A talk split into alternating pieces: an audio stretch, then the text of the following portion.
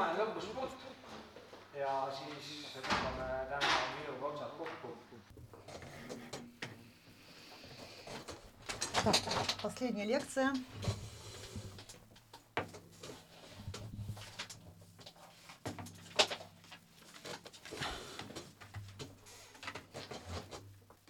jaa.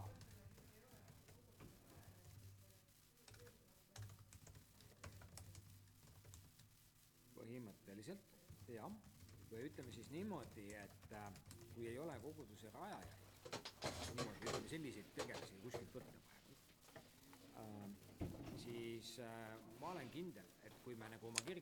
Если, если мы посмотрим в наших церквях, то, скорее всего, мы в церквях найдем людей, э, э, которые, которые имеют такое большое сердце по отношению к миссии, э, сердце, направленное на миссии. Возможно, они не евангелисты в нашем классическом понимании.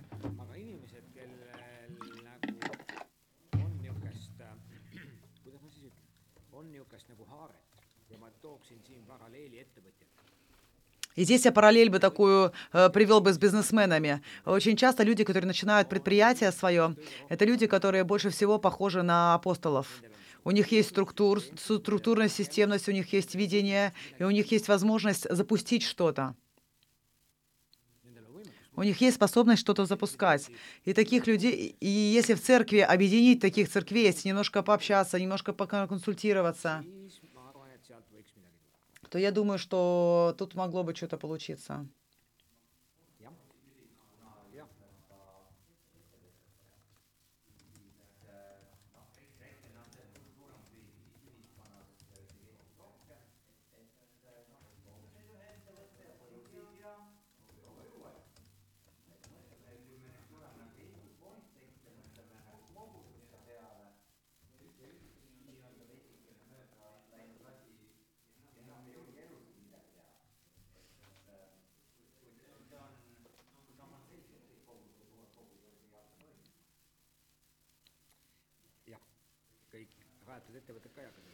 То есть не, не все да, а, церкви запускаются удобные, как и бизнесы. Только 20% бизнесов выживает после запуска. Э, В эстонском обществе э, рассматривается, э, допустим, не так рассматриваются промахи, э, как, как, э, как, как в северной э, как в Америке, да, у нас это, а, наоборот, у нас это как бы позор, если ты, что-то не получилось. В Америке это как, ну, возможность. И у нас есть проблема в обществе, нашим, проблема с нашим мышлением, э, с тем, как мы относимся к э, провалам. В церквях у нас также еще есть проблемы, э, потому что провал, э, если мы начали церковь да, и не удалось, да, это значит, возможно, у тебя проблема с грехом, у тебя, может быть, ты недостаточно духовный, то есть разные проблемы можно найти. И и туда дополняется еще, этим дополняются еще некоторые вещи, как результат, когда у тебя что-то не получается, смотрится всегда так, ну, э, скривя, кривя глаза на тебя, да. Это сложно. Сложно, когда что-то не получается. Я сам это пережил. Если что-то не получается, то тогда это твою тебе не- не- тебе больше как бы меньше тебе меньше доверяют, как бы ну ты не, не удалось тебе, да, ты типа неудачник. И если вокруг тебя люди, которые которых ничего не получилось, а, когда у кого-то что-то не получилось, они все время говорят, потом они начинают говорить, ну мы же знали, что у тебя не получится, мы же знали, что здесь ничего не получится, мы же знали то-то, то-то, то-то, то-то. И в конце концов такой, ну, замкнутый круг. üks это, а в другом где-то месте так, ну что, церковь не, не началась, не началась, ничего страшного, одну церковь меньше. И у нас в обществе это есть проблемы. Почему я говорю, что э, важно иметь людей с большим сердцем миссионерским. И для таких людей, может быть, не проблема, когда у них что-то не получится. aga noh, ma olen enam kui kindel, Я, в общем-то, уверен, что даже э, в любой церкви есть человек, даже который сидит на последней скамейке, он может быть иметь открытое сердце, направленное на миссию. И когда мы говорим о разных дарах апостольских или еще каком-то, мы не говорим здесь какой-то профессии, о позиции, мы говорим о дарах. И иногда некоторые люди могут носить эти дары, и, и никто их не замечал, этих людей, и не замечает. У меня, я, я был помощником пастора, э, и у меня был один член церкви, который, который очень таким милым для меня стала, да, женщина такая пожилая, очень милая такое сердцу моему была. И в воскресенье утром она во время богослужения в Лосномя проводила э, класс для новообращенных. То есть кла- пасторский подход такой, что ты должен в церкви сидеть. Это неправильный ты христианин, ты не в церкви находишься. Я лично очень ободряла ее, поддерживал, у нас хорошие отношения были, и сейчас она ушла Господу. А, Но потому что тем людям, которые находились в Лосномя, в воскресенье удобнее, удобно было встречаться. Они встречала людей, там, там разные были люди, удивительно, э, с, с- с подъезда ее. И и однажды я был э, там у нее, и был человек, который, который, который э, болел, и э, нужно было крестить. И это впервые в своей жизни я человека поливал в ее квартире, человека полил тремя чашечками воды. Она была учитель такой, она заботилась о людей, у нее был дар пастыря, евангелиста. И в церкви вообще никто о ней не знал, о ее дарах, это, то, чем занимается. А я заботился о ней, ободрял ее, как бы помогал ей, чем мог. И у нее действительно было особое сердце в моем сердце. Вот такой интересный случай, даже так может быть. И именно таких людей, такие люди нам нужны. То есть э, это иногда бывает, знаете, там люди ходят каждое воскресенье, там еще тут вот это, вот это, вот это делают, то я могу сказать, что с такими людьми не всегда мы можем построить церковь. Конечно, мы должны хранить, кто у нас есть, э, иначе потерять можно и то, что мы имеем. А, И я абсолютно уверен, что такие люди, они сидят в наших церквях, и в каждой церкви есть такие люди с открытыми сердцами. Их нужно найти, их нужно ободрить. Это те люди, которые помогают и нам, и которые будут нам помогать в дальнейшем. А, Мы не всегда должны смотреть только на лидеров. Конечно, мы говорим о подчинении, а, обо всем. У этого тоже есть свое место.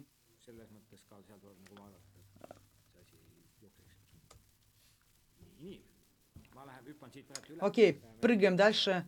А, у нас чуть больше получаса. Разные модели для основания церкви. Эд Стетцер, он сегодня очень знаменитый, очень такой влиятельный миссиолог а, в, в- в Северной Америке.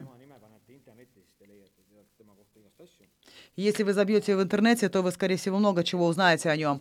И он как раз обращает вни- внимание на разные э, типы э, и модели основания церкви. И нам есть чему научиться здесь.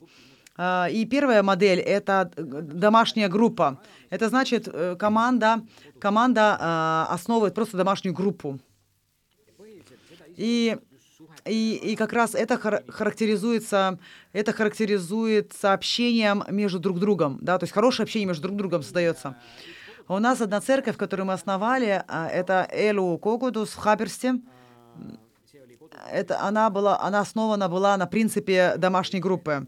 И там, был наш, э, там была наша группа домашняя из Toompea Kogudus, и у нас, я ободрил их, у них было желание тоже в сердце, и как результат э, выросла церковь. Американцы тоже пришли помогать, и вместе мы таким образом начали церковь. Если у тебя хорошая группа, если у тебя сильная группа, и она хочет основать церковь, то это одна возможность. На основании домашней группы. А, Темп, э, форм- темп, э, э, темп здесь, да, не слишком большой. Ты не можешь здесь бежать вперед, но и не медленно, потому что у тебя есть какая-то команда. То есть время построения церкви, да, не так большое. Следующее — это большое основание. Это означает, когда э, она основана на программе, то есть центру- центра- ц- на, на программе, да. Ты основываешь новую программу в другом, допустим, городе или в другом конце города. И программа означает в первую очередь это богослужение и другие разные э, служения, которые ты делаешь в церкви. Из этого вырастет э, больше такое служение, основанное на служении, да, ну, богослужении, потому что если начнешь с богослужения, то ты будешь продолжать в таком, таком стиле. То есть такое большое основание. Это значит, что мама, церковь, а, они дают э, целую кучу людей, то есть целый комплект да, высылается. И они все вместе помогают молодой церкви сразу начать действовать. Они сразу там музыканты идут, э, прославления, э, ашеры, помощники, проповедники, разные там другие служения. И то есть таким большим махом начинается все. И это все очень быстро делается. Плакаты быстренько за- заполоняешь город, у нас новая церковь открывается, э, флайеры по почтовым ящикам раскидываешь, зовешь людей, и мы открываем новую церковь, добро пожаловать к нам. Это, это очень чисто американский подход такой. В Америке именно вот так все работает. То есть быстренько такой нахрапом берется. В воскресенье теперь сразу, может, 500 человек придет, и это уже как бы, это мелочь, как бы считается там, да? Потому что всех информируют, информации много, э, рекламы много, куча информации везде раздается, и вначале люди приходят посмотреть, что здесь такое. И потом постепенно часть отваливается, и остается какая-то маленькая группа, и ты уже начинаешь с ними работать. Это такое большое основание.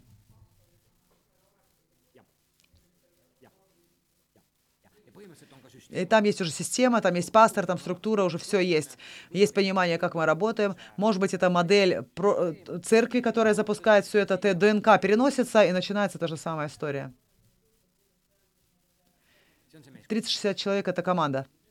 Это чисто на Америке, на Америке. В эстонском это 30-60, это церковь сильная уже у нас, которая может своего пастора даже спонсировать в Эстонии. В Америке, конечно же, в контексте Америки 30-60 человек, это, ну, средняя церковь это 80, в принципе, членов, средняя церковь в Америке. Если мы возьмем все церкви э, в Северной Америке, соединим, то среднее число 80 человек в церкви в Америке. Но в плане основания, если ты хочешь сразу больш, ну, бабахнуть, да, тебе должна быть сила. Это значит, тебе должны быть деньги, у тебя должны быть э, хорошие доноры, которые будут э, деньги давать. Вот ты будешь э, сразу же лучшие здания, э, залы, стадионы, может быть, арендовать, будешь большое мероприятие делать, и из этого вырастает церковь. Третья модель — это миссиональная, ин инкарнационная модель основания церкви. И она немного похожа на маленькую группу, но с другим подходом она. Миссиональная, инкарнационная, э, это значит, что группа какая-то людей идет в какой-то город, э, в какой-то регион и, и вживается, помога, покупает себе там квартиры или арендуют там квартиры, дома, начинают э, знакомиться с людьми, начинают дружбу заводить, то есть вживаются, да, создают общение, и на основании вот этого общения начинают евангелизировать. И там тогда начинается строиться, что там, какая-то церковь. Это медленный процесс. И э, в среднем э, главное здесь э, общение, ой, отношения. И и, может быть, э, цель здесь для основания церкви может быть таким мутным, э, потому что инкарнационное — это когда ты становишься частью, частью вот этого общества, там, идешь на работу, там, или еще что-то, э, тебе ты вписываешься, там, работаешь, знакомишься, то есть во всех планах ты становишься частью вот этого жизни, этого региона. Это очень медленно, пока ты въедешь во все это. Следующая модель основания церкви — это дочка, э, как бы э, камп, кампус церкви. Это значит, что есть какая-то мама-церковь, и она дочерняя церковь, да, по-другому. То есть она основывает церковь не для того, не, не потому, что она должна быть отдельная, вот эта дочерняя церковь, а она основывает ее э, для того, чтобы эта малень, молодая церковь, она была с ними, как бы, да, дочерняя церковь и мама церковь. То есть она их остается. И руководство большой церкви начинает тогда в маленькой церкви также э, влиять, определять да, некоторые моменты. И главная идея за всем этим э, стоит такая, э, чтобы возникли новые э, места для собрания. И я не, не говорила о Уиллоу Крик, у них были по Чикаго разные кампусы, вот эти дочерние церкви, их много было. И когда у, у мамы церкви такое знаменитое имя, то тогда а, основывают маленькие по франшизе, можно сказать, да, грубо говоря, церкви. То есть вот такой подход есть тоже. И этот процесс, а, он может быть разным. И быстрый он или медленный, все зависит от метода. Но, в общем-то, а, он, он он похож на большое основание. То есть в кемп, в кемп, в кемпусе э, команда формируется, и она начинает действовать. То есть такая готовая команда уже. Э, теперь повторное открытие. Это еще одна модель, э, которая которая означает, что где-то, допустим, церковь уже не действует в каком-то месте по какой-то причине. И, и и, допустим, поместная церковь решает, что не работает наша церковь. И тогда начинается повторное открытие. э, через какое-то время. То есть, может быть, новые лидеры приходят туда, или же старые лидеры заканчивают старое и говорят, что мы больше не хотим вот так делать, мы не хотим больше так церковь строить, мы хотим по-другому. В Америке, допустим, это это не проблема. Начать на, ста- на месте старой церкви новую церковь. У нас в Эстонию, особенно в контексте Европы, есть такое, эм, такое мышление сло- ну, сложное очень. Да? Но что касается нашей церкви, то, допустим, в Палдиске что произошло? Мы начали церковь по новой. У нас церковь там давно уже была, у нас здание было там. Но эта церковь, она просто пустой осталась. И и в классическом понимании можно сказать, что мы просто восстановили церковь, мы по новой ее открыли. И некоторые члены старой церкви, они присоединились, они вернулись обратно и остались, остались там. И там новый пастор, да. Но эти некоторые годы там были люди, которые молились э, за это дело, э, все равно поддерживали молитву, чтобы церковь была, но ничего не происходило. Я имею в виду, церковь, церкви не было в то время, но они молились. Следующий момент это, э, это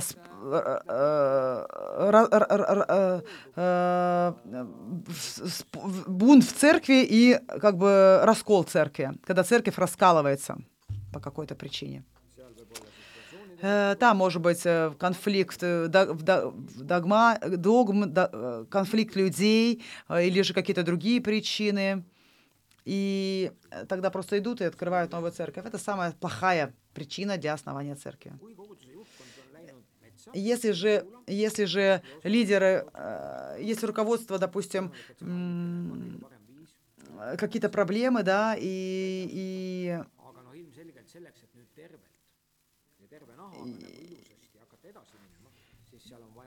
и, конечно же, Э,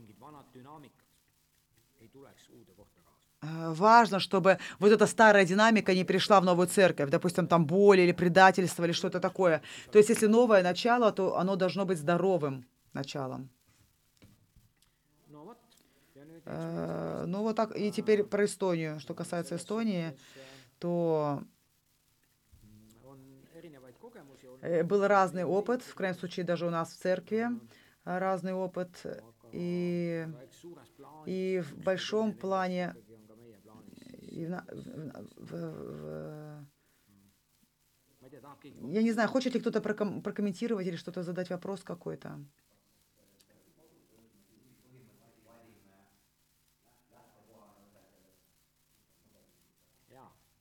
kas üks mudel on lähtekoht ja ütlete, et aga ei, sellest mudelist me tahaks selle elemendi ka võtta, eks ole. nii et seda te kindlasti jah, saate kasutada. seda ma ootan. Как там у нас народ в онлайне поживает? Я вижу, Рафаэль там какой-то комментарий написал.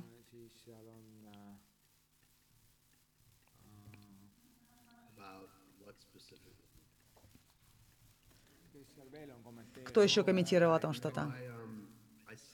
Я сказал, что э, относительно твоего комментария Э, э, может быть, я неправильно понял э, через перевод относительно Эстонии, что как, когда церковь не удается, да, вот новую построить, или как бы неудачное открытие, то это причина, как, как, как, как причина может быть грех, грех человека, поэтому не удалось.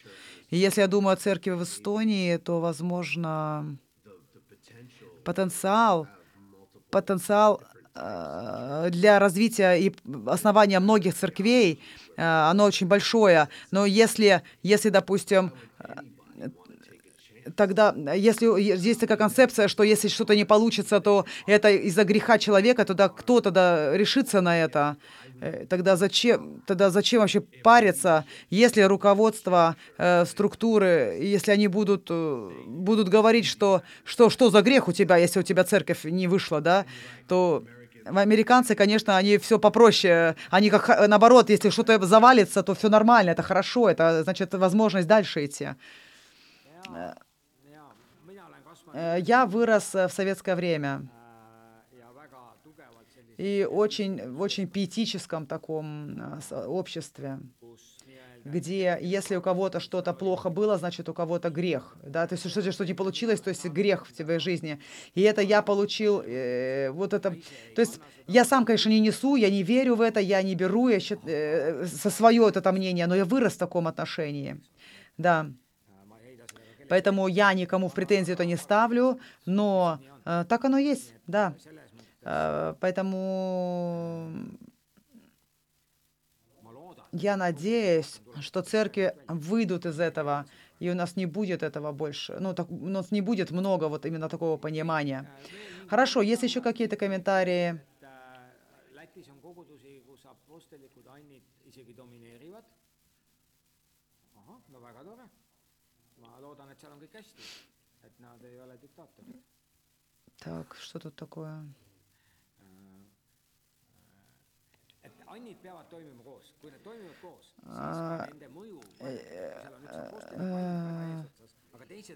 Если, допустим, апостольский Если апостольский дар во главе и есть другие дары, то тогда а, благодаря этому здор- здоровая атмосфера создается, поэтому дары должны взаимодействовать друг с другом. nii, aitäh praegult. äh, ja koguduse mudelid me võime jaotada И э, мы, э, модели церкви мы можем распределить на три большие категории. Äh, langevarjumudel, näiteks rajaja siis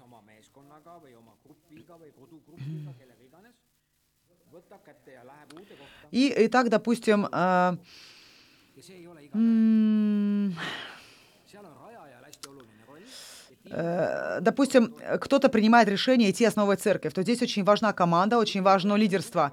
Если нет сильного такого основателя, то команда, она может быть как без головы. Она может не знать, что делать. И это означает, что, что основатель, он должен быть он, должен, он должен быть обязательно. А, И, и, и доп- вторая модель, да, которая распространенная, это модель материнской церкви. Это когда одна церковь или две церкви а, счита- говорят, что я хочу начать церковь. И они, они собирают свои мысли, они молятся, куда Господь их хочет направить, чтобы они могли вместе основать церковь. И это означает, что тогда материнская церковь вместе с другими церквями снаряжает вот это и помогает новому началу. Это означает, что на основании такой модели, вкратце говоря, церковь снова рожает, рожает новую церковь. Вот в этом как раз весь смысл. То есть не основатель рожает эту церковь, а церковь сама рожает другую церковь. Это означает, что существующая церковь вместе со своим руководством, пастором, э, все вместе инициируют новое основание церкви. То есть церковь рождает другую церковь. И я вижу э, большой потенциал на самом деле в Эстонии вот у этой модели. И nii тут, тут, тут нету апостольского дара такого большого значения. Конечно, э, конечно, люди должны, нужны такие, у которых есть вот это вот понимание, но тем не менее здесь нет зависимости от этого, от церкви. А, Ой, именно здесь нет такой зависимости от апостольского дара. Я знаю церкви, я знаю людей, я знаю разные места в мире, где, где э, пастор имеет апостольский дар, но он также и апостол. И он также в своей церкви, и из своей церкви он посылает э, э, э, людей, и, то есть он апостольский пастор в своей церкви, он никуда сам не выезжает, но он кома- рожает команду, да, снаряжает команду и отправляет ее куда-то в разные города, в разные э, части города и так далее.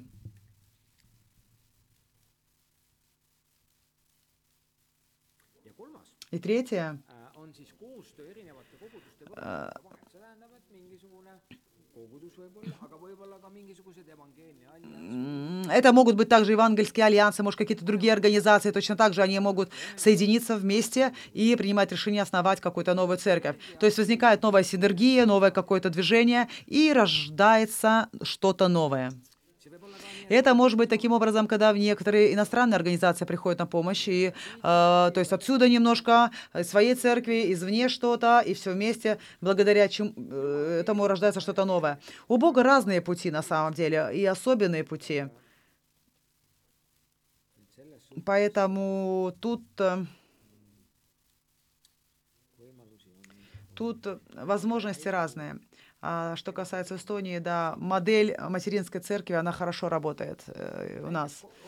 Если, допустим, э, если бы, допустим, руководители церквей взяли бы на, повяз, на повестку дня э, какое или каждый раз, когда встречаются, или через какое-то время обсуждение относительно того, как мы могли бы поучаствовать в, в, в, в насаждении церкви, я могу сказать, что не во всех церквях есть возможность э, самим все это начать. Иногда нужно несколько церквей, нужно создать новое, новое какое-то направление. И церкви вместе, а, они начинают вместе двигаться для того, чтобы э, что-то новое начать.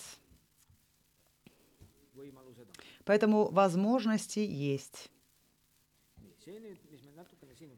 И, допустим, то, что то, что э, здесь мы сейчас на этом слайде видим, это касается и вашего проекта. И очень важно относительно э, насаждения церкви помнить, какая будет стратегия. Как мы будем это делать? Стратегия, как, как мы будем это делать? Как мы можем достичь других людей? Какая фишка? Как мы можем относиться, обратиться к этому человеку, который ходит по улицам?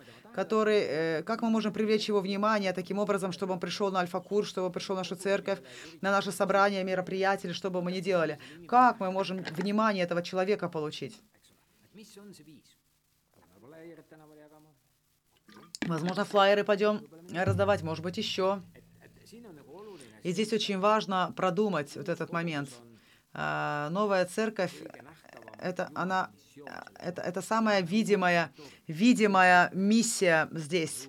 То есть мы идем на новую территорию, да, которые, и люди — это тоже новая территория. Каким образом мы можем проговорить к ним? Как мы можем коснуться их? Какие, какие, как, как в этой новой, э, как, как мы можем э, их духовному росту посодействовать? Как мы можем, какие Какие методы у нас по э, ученичеству? Какие материалы у нас есть? Какая стратегия у нас есть? И теперь вы видите, что на самом деле, что касается церкви, э, у апостола очень большая роль. Но э, когда мы говорим об ученичестве, то тогда апостольский дар уже уменьшается. Здесь уже входит роль пастора, роль учителя. Также А, какую церковь мы основываем? На основании... Э, на, на чем она будет сосредоточена? На основании чего мы будем измерять а, посвящение людей? Что они сидят каждый день в церкви, или они участвуют в малой группе, в группе, или же мы будем ожидать и того, и того. Что мы хотим достичь? Потому что то, как мы перефразируем это, это то, как мы начнем строить культуру.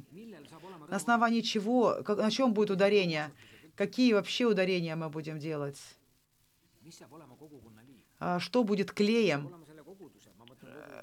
Я под собранием думаю именно э, что, что будет держать, что будет держать, какие действия будут, э, какие принципы будут э, э, действовать в церкви. Конечно, здесь пасторский дар очень важен, но также мы же хотим и создать какую-то систему, правильно? Если пастора нет, тогда людей не будет. Что-то должно быть еще. Как мы как мы вовлекаемость людей а, а, увеличим, как, как мы теперь из людей сделаем друзей, чтобы люди знакомились друг с другом, познак... И чтобы люди хотели быть вместе, чтобы было бы, было бы им комфортно быть вместе. И главный критерий набора команды. Это теперь э, здесь в самом начале, конечно, важно, но тем не менее, сколько членов у нас в начале, э, со сколькими людьми мы готовы будем запускать церковь. Э, если у нас на зарплате люди, или же они добровольцы, за счет чего люди будут жить, как они покрывают свои расходы, потому что каждый человек, который живет за пределами баланса или не в балансе, рано или поздно, он, он, он, он будет пропагандировать неправильный образ жизни, и, и этот стиль вокруг себя. Здоровая церковь и основание для здоровой церкви — это здоровые люди. Если люди не живут здоровой жизнью, э, если у них не в порядке, там, жена, женитьба, ой, супружество, да, там, работа, еще что-то, то это плохо. Что мы ожидаем от членов команды? Какого посвящения? Насколько, насколько помимо своей работы и семей мы будем ожидать, чтобы они посвящали времени церкви? Э, Основание церкви — это вклад, и оно не рождается просто так. Какой, какой уровень посвящения у нас? Эти все вещи нужно обговорить, проговорить.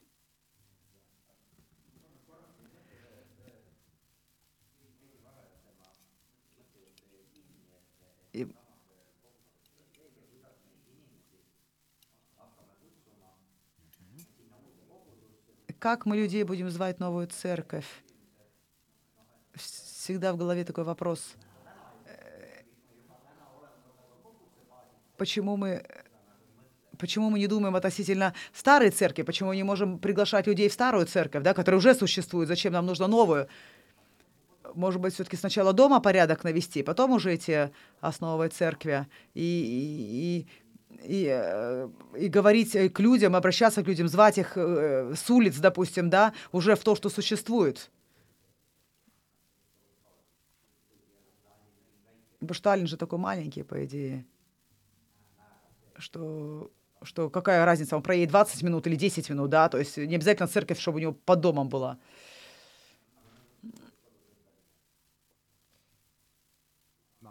Я думаю, что это очень такой хороший вопрос. Почему мы тогда в наших церквях дос- недостаточно делаем?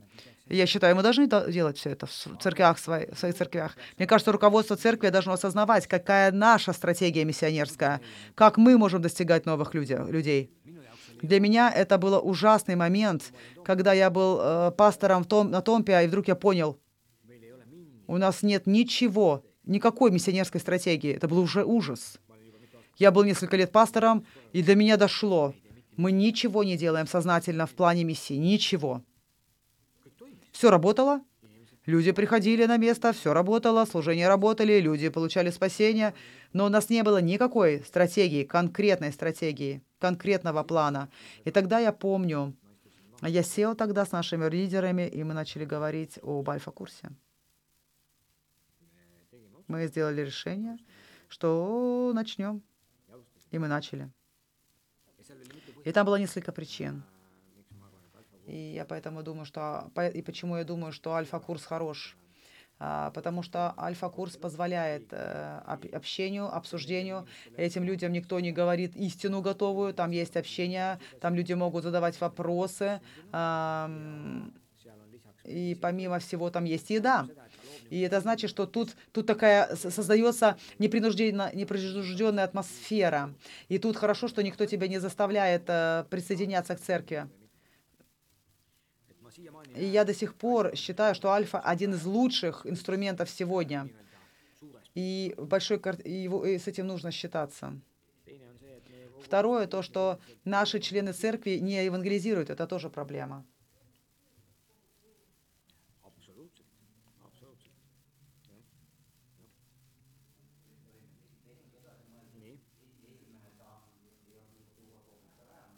Первый шаг это может быть не основание новой церкви, а, а, а, а- вовле- вовлекание э, ресурсов, которые есть в работу.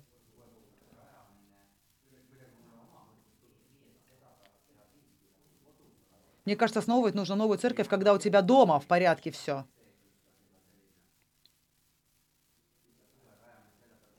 То есть э, не, не основывать церковь, потому что новая это хорошо. ütleks, et see on väga И, на мой взгляд, это, это, это, это, конечно, основание новой церкви – это огромнейшая работа.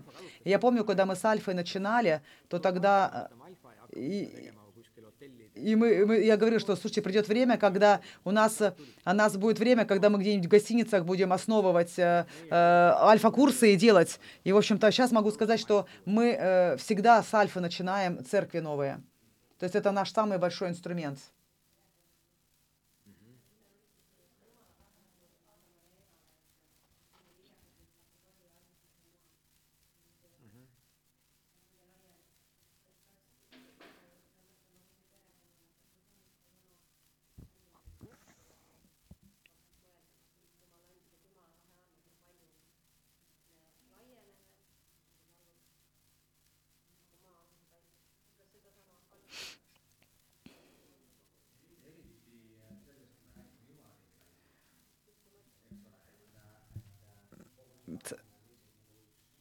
Основание церквей это как инструмент, потому что церковь это представительство Бога на земле.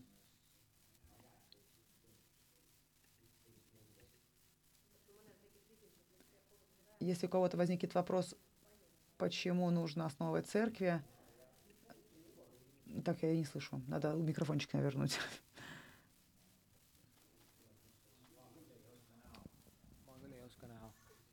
Я, я, я не вижу другой, другой возможности, как вообще расширение может происходить, только через насаждение церквей. У нас теперь 10 минут, и я попытаюсь очень быстренько сейчас э, рассмотреть, посмотрю, какие еще тут важные самые слайды у нас есть. А, что касается основания церкви, важно, э, это, это важно, нам нужны люди, которые, э, которые э, будут со стороны нам помогать. Это либо коучи, либо э, кто-то, кто, кто, могут поддерживать, могут поддерживать церковь.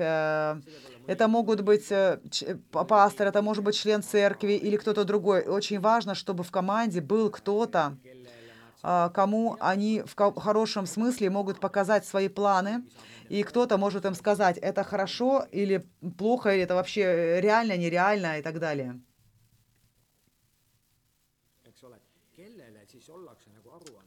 Э, кто, кому вы подотчетны?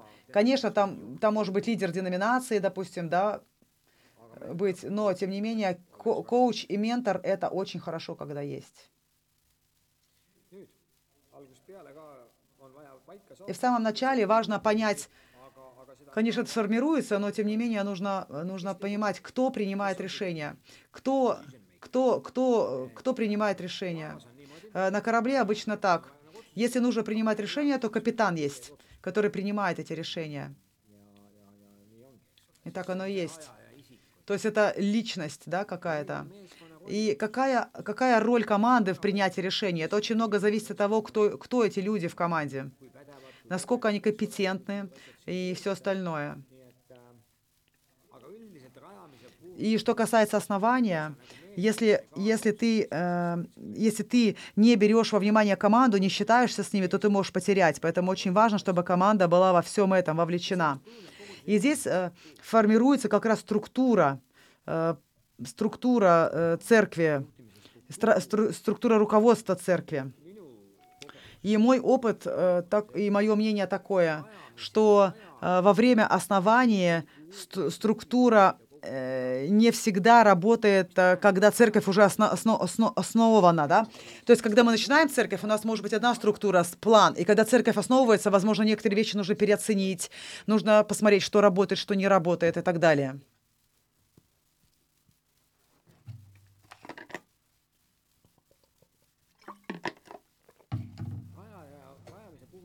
Что касается основания церкви, э, и вот этой, вот этой динамики, э, они, они, они, они э, то есть сначала церковь запускается, а потом ее нужно уже сохранить, и там уже другая динамика. Э, и вкратце, как мы в Чепидесятнической церкви а, основывали церкви на протяжении последних, э, на, послед, на протяжении последних лет. У нас есть четыре столпа, э, на основании чего все строится. Первое. Мы всегда искали человека, который основ, основатель. То есть должен найти человек, который возьмет ответственность за вот основание.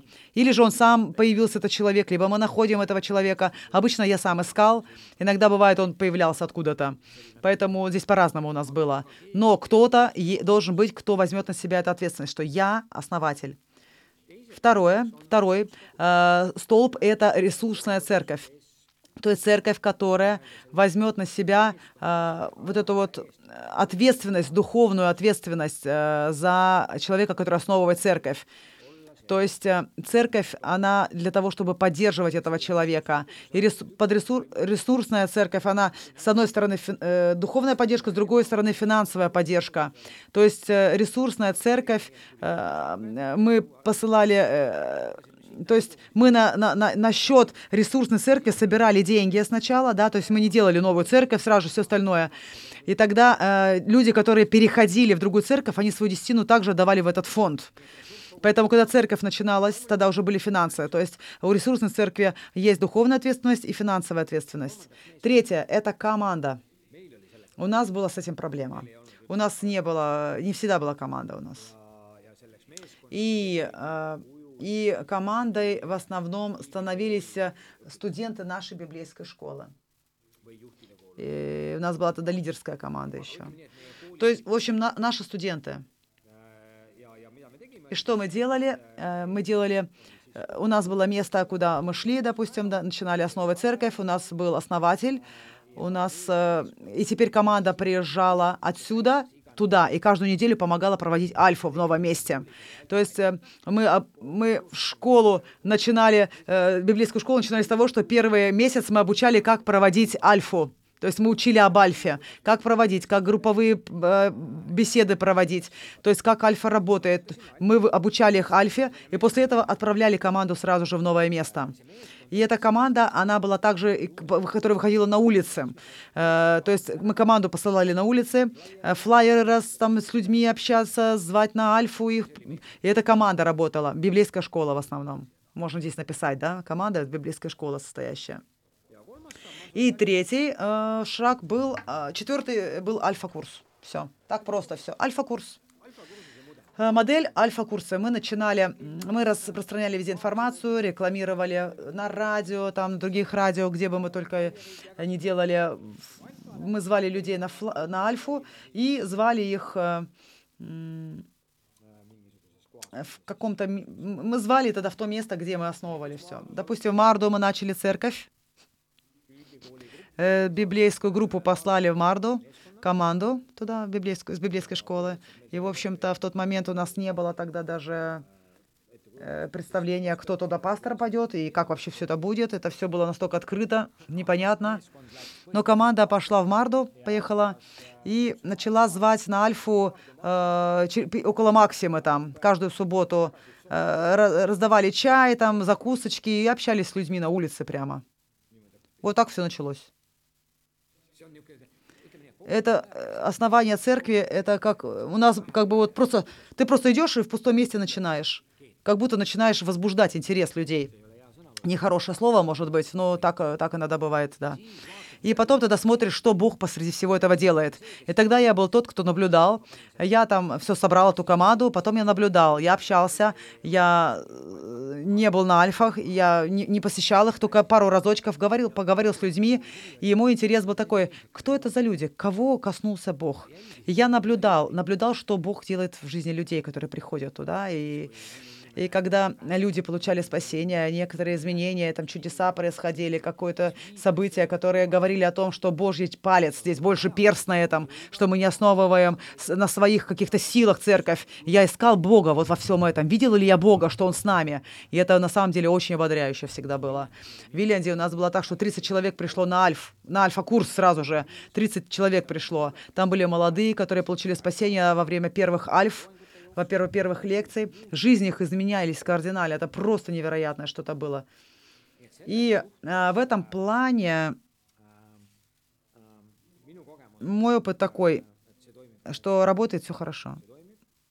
Работает, но нужно а, быть убежденным, что мы делаем то, что мы должны делать. И э, я считаю, что кто бы не взял бы эти вот четыре шага, не предпринял бы, если кто бы не начал бы, то благословение будет во всем этом.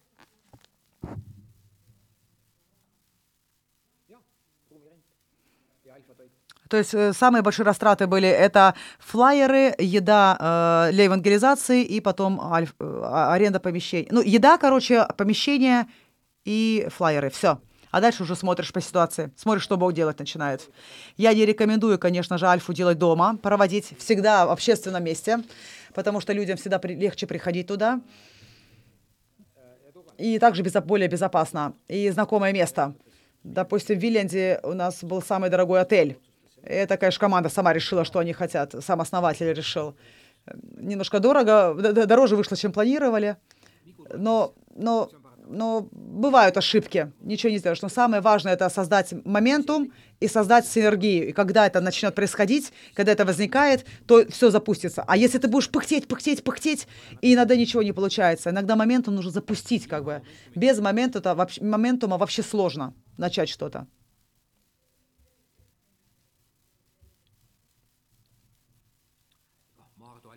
Марду, Альфа э, происходило в каких-то ужасных местах, там воняло, там какой-то ужас какой-то, странное какое-то советское помещение было, старое советское такое. Но я...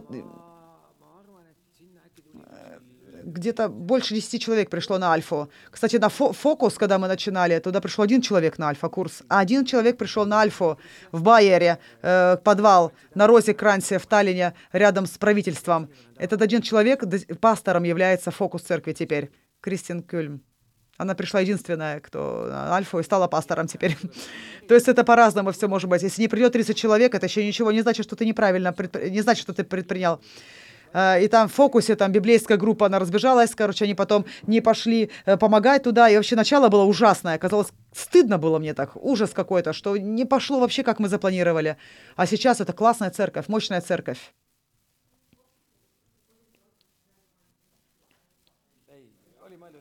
И, э, альфа, ой, фокус сначала изначально была англо-эстонская. Э, сейчас до сих пор непонятно. Английский доминирует сейчас там язык, да. Время закончилось у нас с вами. Хорошо, ну вот, так.